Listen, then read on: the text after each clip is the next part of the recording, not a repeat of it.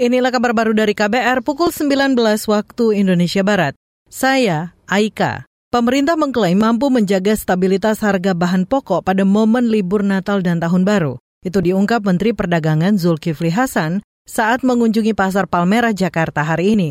Zulkifli menyebut pemerintah juga mampu menekan inflasi Desember 2023 sebesar 0,41 persen. Artinya Natal tahun baru kita sukses menghandle harga-harga sehingga inflasi hanya 0,41 di bulan Desember. Nah, secara keseluruhan tahun ini inflasi kita 2,61. Padahal tahun lalu kita 5,5. Sekarang 2,61. Jadi hampir separuh. Tidak sampai separuh daripada tahun lalu. Nah, ini tentu kita syukuri. Artinya eh, harga-harga bisa dikendalikan. Menteri Perdagangan Zulkifli Hasan mengklaim saat ini harga beras tidak mengalami kenaikan harga. Sementara harga cabai disebut sudah turun dan berada di kisaran 70 hingga 80 ribu rupiah per kilogram setelah sebelumnya sempat menyentuh harga 120 ribu rupiah per kilogram.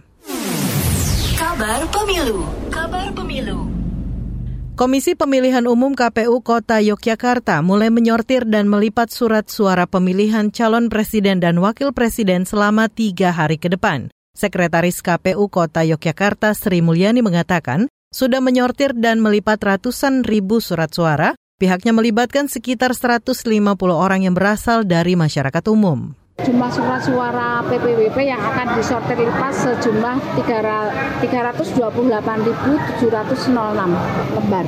Tenaga sortir lipat atau petugas sortir lipat istilahnya yang tepat itu sejumlah kurang lebih 150-an. Sekretaris KPU Kota Yogyakarta Sri Mulyani mengatakan temuan jumlah surat suara rusak masih sangat sedikit. Surat suara yang tidak layak dikarenakan adanya noda kecil saat proses pencetakan. Namun surat suara itu dianggap masih bisa digunakan.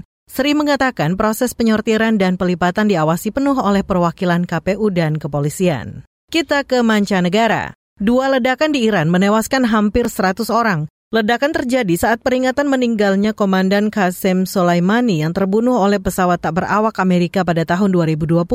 Dikutip Reuters, pejabat Iran menuding teroris sebagai pelaku ledakan. Hingga kini saudara belum ada pihak yang mengaku bertanggung jawab atas insiden itu. Pemimpin tertinggi Iran, Ayatollah Khomeini, bersumpah akan membalas dendam atas dua pemboman berdarah tersebut. Di Amerika Serikat, pejabat senior pemerintahan Joe Biden menyebut ledakan tersebut diduga dilakukan kelompok teroris seperti yang pernah dilakukan ISIS sebelumnya. Ledakan di Iran itu dikecam berbagai negara termasuk Indonesia. Sementara Sekretaris Jenderal PBB menyerukan agar para pelaku bertanggung jawab. Kementerian Kesehatan Iran menyebut jumlah korban tewas mencapai 95 orang. Jumlah itu dikoreksi dari data sebelumnya yang disebut mencapai 103 orang. Selain itu lebih dari 200 orang luka-luka. Demikian kabar baru dari KBR. Saya Aika.